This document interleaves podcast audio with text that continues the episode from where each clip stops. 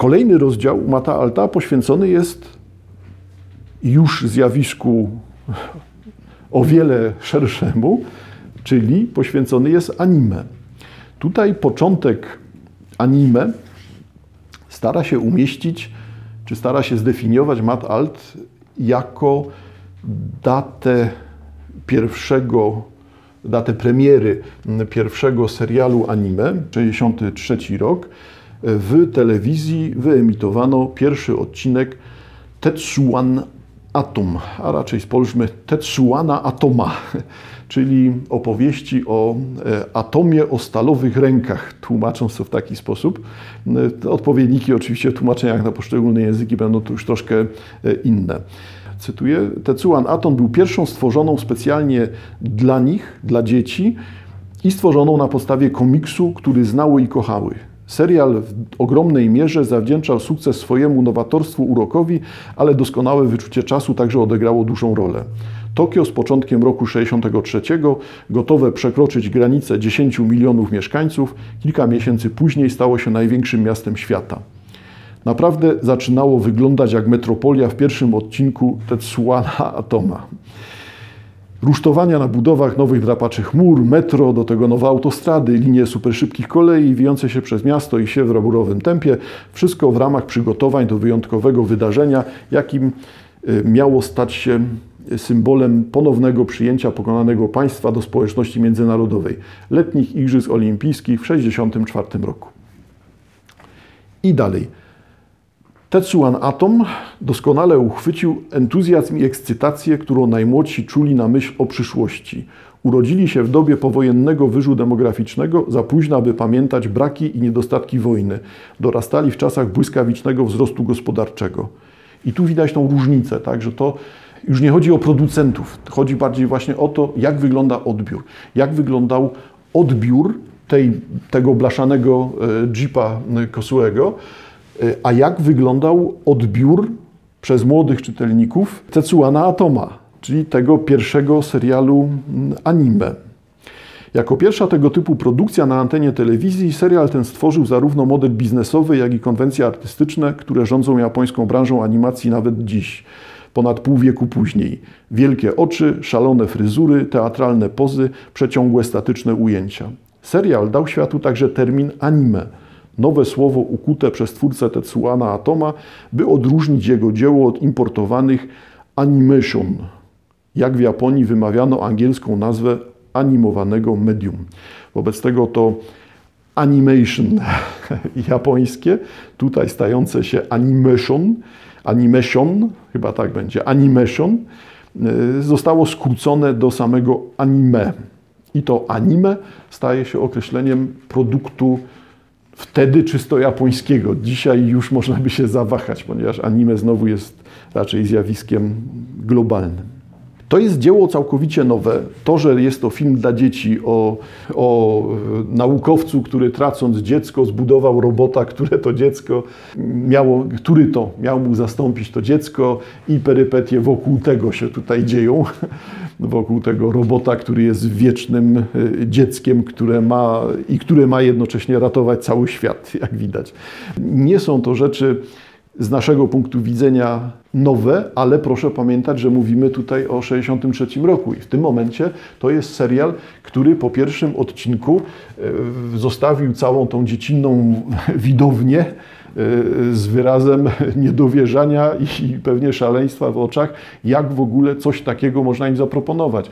No zauważcie Państwo, jakie jest tło Tetsuana Atoma, czyli tutaj mówimy o rzeczach typu myszka Miki, kaczor Donald, pies Pluto. E, rozpiętość i tematyczna, i różnica graficzna, i sposób prowadzenia akcji, e, to, są, to jest tak, jakby to było traktowane od całkowicie innych odbiorców, a tymczasem odbiorcami myszki Miki e, i kaczora Donalda jest ta sama grupa wiekowa, do której skierowany był pierwszy serial anime widać, że następuje tutaj zmiana, że to właśnie produkcje disneyowskie są tymi e, produkcjami, no cóż, jednak pozostającymi w ogonie kultury. To są rzeczy przetworzone, zjedzone i pojawiające się z potężnym opóźnieniem. A tymczasem charakterystyczną rzeczą właśnie dla produktów anime będą będzie to zajmowanie się hmm, tematami, realizacja tych tematami nowymi, realizacja ich przez nowe rozwiązania graficzne. Będą to rzeczy, które są coraz bardziej oderwane od tej dziecinności, która nam się kojarzy, nie wiem, z obrazkami do kolorowania zapewne. Zostawiam tutaj wszystkie uwagi dotyczące streszczenia, czy też e, przemian wokół produkcji Tetsuana Atoma, e, ze względu na to, że chodzi raczej o wskazanie e, samego źródła, czyli źródłem, źródłem anime, początkiem anime jako globalnego zjawiska będzie właśnie Tetsuan Atom. Tetsuan Atom oczywiście pojawi się chwilkę później już w NBC. Opatrzona angielskim dubbingiem wersja Tetsuana Atoma, nadawana pod zmienionym tytułem Astro Boy. I chyba dzisiaj też jest osiągalna, czy też do znalezienia pod tym właśnie tytułem, Astro Boy, zadebiutowała na antenie NBC w 1963 roku. Kreskówka nie zwróciła uwagi amerykańskiej stacji swoją przełomowością. Właścicielom najbardziej podobało się to, że była tania. Starannie wycięto wszystkie fragmenty, które choćby sugerowały przemoc, zawierały dojrzałą tematykę lub treści związane z Japonią. Widz nie mógł się dowiedzieć skąd pochodził serial, bo od razu uznałby go za szmirę. Takie panowało wtedy przekonanie. Dlatego Atom został astrobojem, ustalając tym samym wzorzec dla kolejnych produkcji importowanych do Stanów. Leo, lew protagonista stworzonego przez Tedzukę cesarza dżungli, został przechrzczony na Kimbę Białego Lwa, mistrz kierownicy Go Mifune, przemienił się w Speed Racera tak. Nie ma tu mowy o żadnej wielkiej strategii. NBC odkryło Tetsuana Atoma zupełnie przypadkiem. Pewien pracownik akurat trafił na jeden z odcinków, oglądając telewizję w pokoju hotelowym na wycieczce w Tokio. Nie chodziło o to, czy japońskie kreskówki zrewolucjonizują amerykańskie gusta, tylko o to, czy dadzą radę konkurować z Flintstonami za ułamek kosztów. Co za tym idzie, Astro Boy nie był flagowym dziełem japońskiej animacji, raczej balonem testowym. NBC nie nadawało go nawet na swoim głównym kanale. Został zesłany do mniejszych stacji regionalnych. Kierownicy myśleli sobie pewnie, jak nie wypali, to chociaż poniesiemy małe straty. No i jak się można spodziewać, ciąg dalszej historii, ale wypaliło. Astro Boy zaliczał rekordy oglądalności, przynajmniej te obowiązujące w niewielkich stacjach, w których, gdzie go emitowano. Sukces nijak jednak nie zmienił głębokiego przekonania branżowych decydentów, że japońskie animacje mogą być najwyżej tanią alternatywą dla lepszych jakościowo produkcji amerykańskich.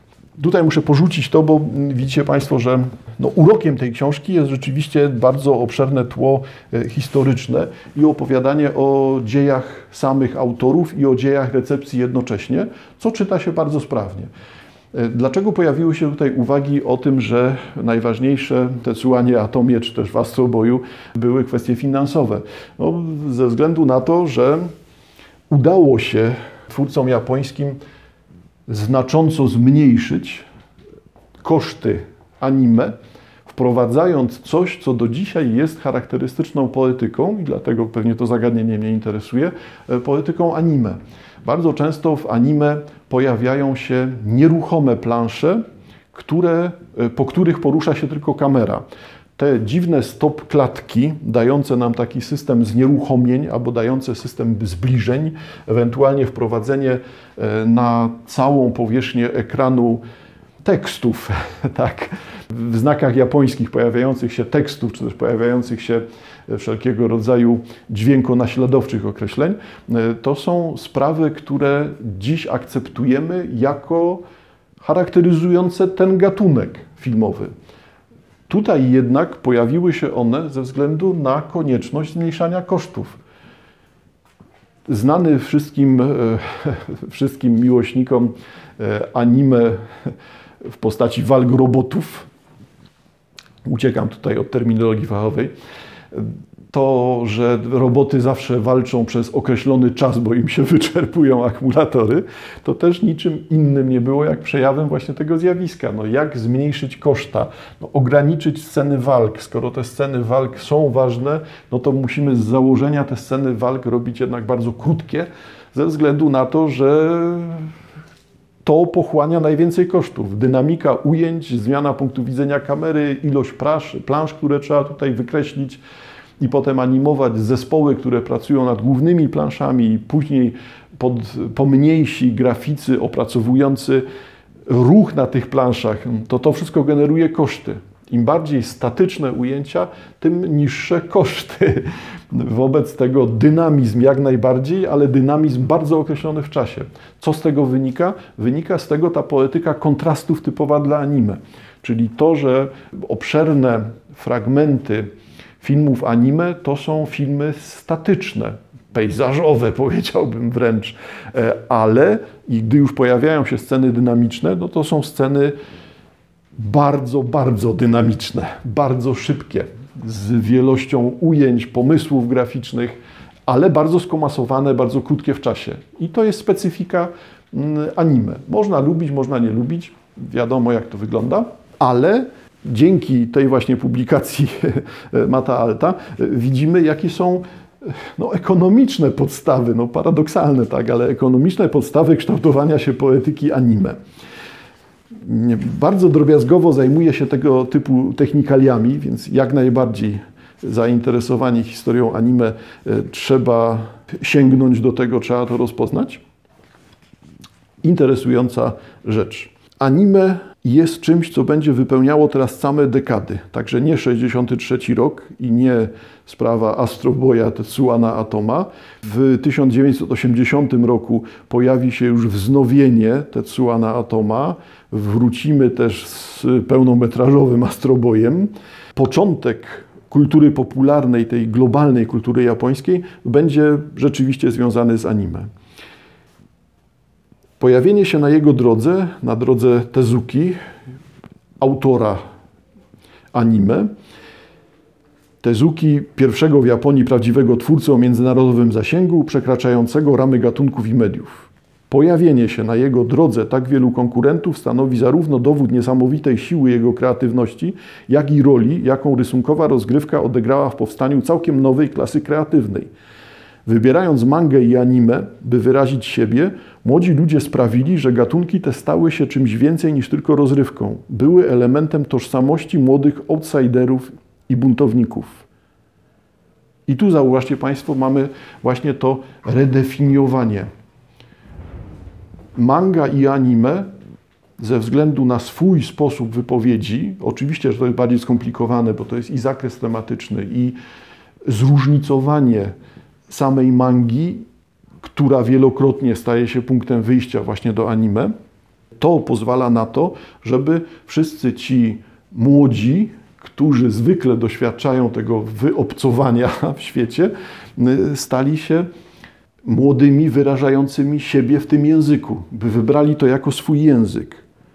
Młodzi sprawili, że gatunki te stały się czym więcej niż tylko rozrywką. Były elementem tożsamości, Czyli to, co pojawia się w mandze i anime w Japonii, staje się głosem młodego pokolenia i staje się sposobem wyrażania siebie. Teraz, gdybyśmy to sprowadzili tylko do wszystkich funkcji zabawy wyglądem, kostiumem, naśladownictwa postaci, czyli do całej, całego cosplayu z otoczkami, to okazałoby się, że tracimy wiele, bo to nie jest rodzaj przebieranek tylko to jest rodzaj rzeczywistej deklaracji. Jest to poczucie tożsamości, a nie forma zabawy w naśladowanie postaci y, filmowej, filmowej czy też postaci y, z mangi. Mamy za sobą blaszany samochodzik, mamy za sobą początek anime. To co w takim razie dalej z tą kulturą popularną? E, ciekawym wyborem w tym momencie jest wybór połączony z 1971 rokiem, e, wybór karaoke. Karaoke uwikłanego w realia kultury japońskiej, czegoś tak specyficznie japońskiego, że wydawałoby się, że to jest nie do, nie do skopiowania, to nie może zaistnieć na świecie i okazuje się, że właśnie dlatego chyba to istnieje na świecie. Specyfiką wypowiedzi Mata Alta jest sięganie do wielu obrazowych, do wielu takich obrazowych historyjek stanowiących ilustrację zjawiska. Tutaj Mata Alt opisuje, w jaki sposób karaoke zaistniało w Japonii zaistniało w Japonii, wypierając z rynku muzycznego pubów, barów, knajp, wypierając muzyków grających na żywo. Muzycy czuli w urządzeniach zagrożenie dla swojego rynku, wobec tego protestowali przeciwko temu, że te automaty się pojawiają. Odbywa się spotkanie muzyków z twórcą pierwszego aparatu do karaoke. Spotkanie zwołała, cytuję teraz, spotkanie zwołała grupa muzyków zwanych Hikari Katari, co znaczy mniej więcej grający śpiewak. To muzyczni wolni strzelcy specjalizujący się we wspólnym śpiewaniu z publicznością, w locie dostosowujący swój występ do umiejętności i poziomu upojenia płacących im klientów. Nie są żadną miejscową specjalnością. Inne rejony Japonii także mają swoich fachowców od wspólnych śpiewów.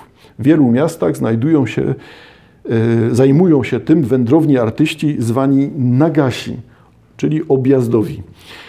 Kobe wyróżnia się tym, że tutejsi hikari katari zwykle grają dłużej w jednym miejscu, umawiając się z właścicielami danego baru na jeden wieczór, tydzień albo i miesiąc, by przyciągnąć klientów. Atmosfera na spotkaniu jest napięta. Hikari katari sądzą, że w ich szeregach ukrywa się zdrajca.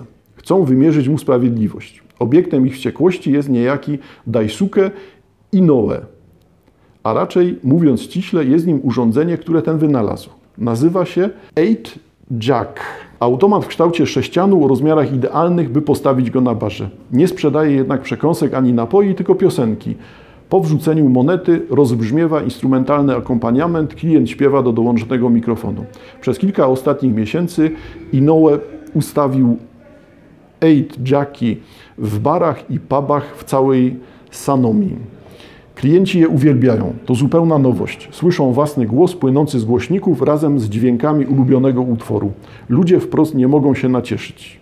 Kontekst tego urządzenia okazuje się, czy kontekst, kontekst kulturowy widzimy, natomiast same zawiłości techniczne okazują się tak oczywiste, czy tak oczywisty jest pomysł tego urządzenia, że trudno jest ustalić, e, kto jest rzeczywiście autorem. Z tego spotkania, na które powołuje się Matt Alt, y, wynika, że ostatecznie te pierwsze automaty do karaoke, Eight Jack, zostały przez muzyków zlekceważone. Twórca tego automatu wygłosił przemowę do zebranych muzyków. Jesteśmy muzykami, potrafimy dostosować muzykę do każdego klienta, gramy na zamówienie, a wy kładziecie się do trumny przez głupią zabawkę, która za każdym razem brzmi tak samo. Następuje długa cisza, wreszcie któryś z muzyków przełamuje milczenie. Racja, olać to ustrojstwo. Pozostali kiwają głowami. Wyglądało na to, że karaoke udało się ujść z życiem. Ciąg dalszy Mata Alta. Automaty do karaoke zostały wynalezione niezależnie od siebie co najmniej pięć razy między 1967 a 1972 rokiem. I wszystko wskazuje na to, że żaden z konstruktorów nie wiedział o działalności pozostałych. Tutaj rzeczywiście wielość firm i wielość pomysłów rozpoczynających karaoke wynika z oczekiwań rynku. Ten zwyczaj, w którym urzędnicy, czy też raczej pracownicy korporacji japońskich, salarymen, prowadzą swoje życie w taki właśnie sposób, że no, poza dniówką, która zajmuje im 10, 12, 14, 16 godzin, mają czas tylko na to, żeby iść do baru, wypić, ewentualnie pośpiewać i natychmiast położyć się spać, żeby następnego dnia znaleźć się w pracy. Wobec tego ten system pracy ponad wszystko, pracy ponad wszelkiego rodzaju innymi elementami życia, e, sprzyja temu, aby taką rozrywkę dostarczyć owym salarymenom. Powszechne bary, powszechne puby sprzyjają temu, żeby ludzie pijący mogli zabawić się też śpiewaniem.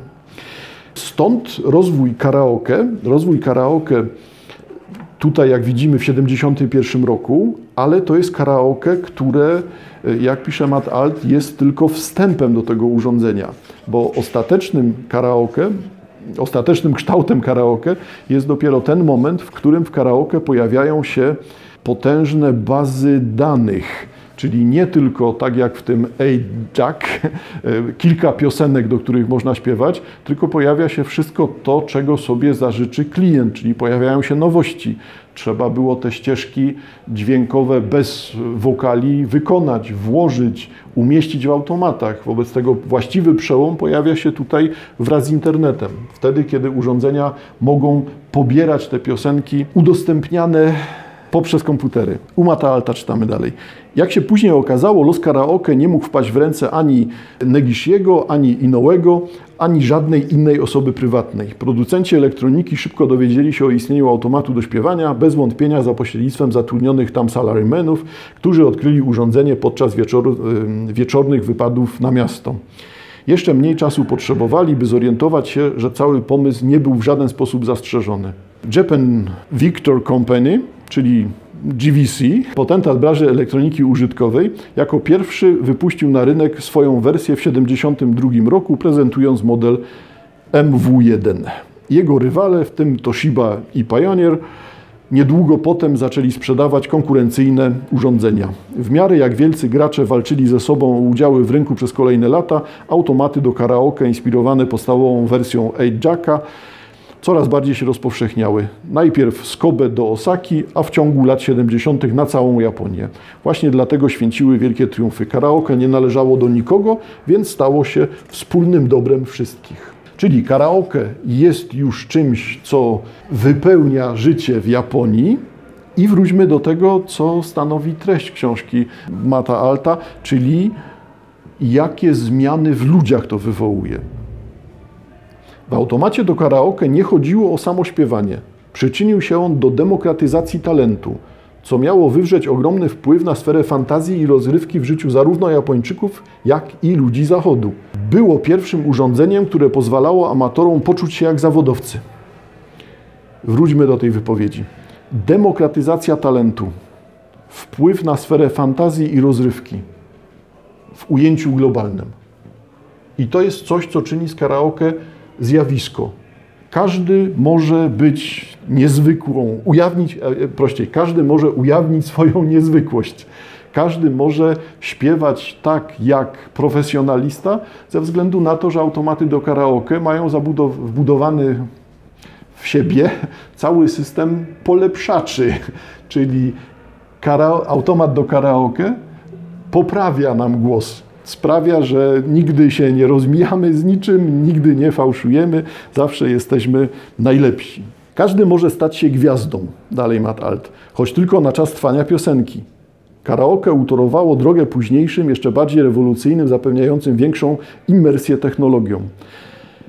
Karaoke to pierwszy przypadek treści tworzonych przez użytkowników, pierwsza sieć skupiająca zwyczajnych ludzi wykonujących własne wersje piosenek, nieskrępowanych żadną formą nadzoru, poza firmami, które z radością zapewniają nam same urządzenia i utwory, podczas gdy my czekamy na swoją kolej z wyłączonymi mózgami.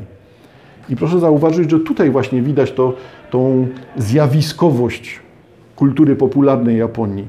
Coś, co wygląda na no, element wyposażenia baru i coś, co łączy się tylko z alkoholem, staje się tutaj czymś do wyrażania siebie, czymś definiującym człowieka współczesnego.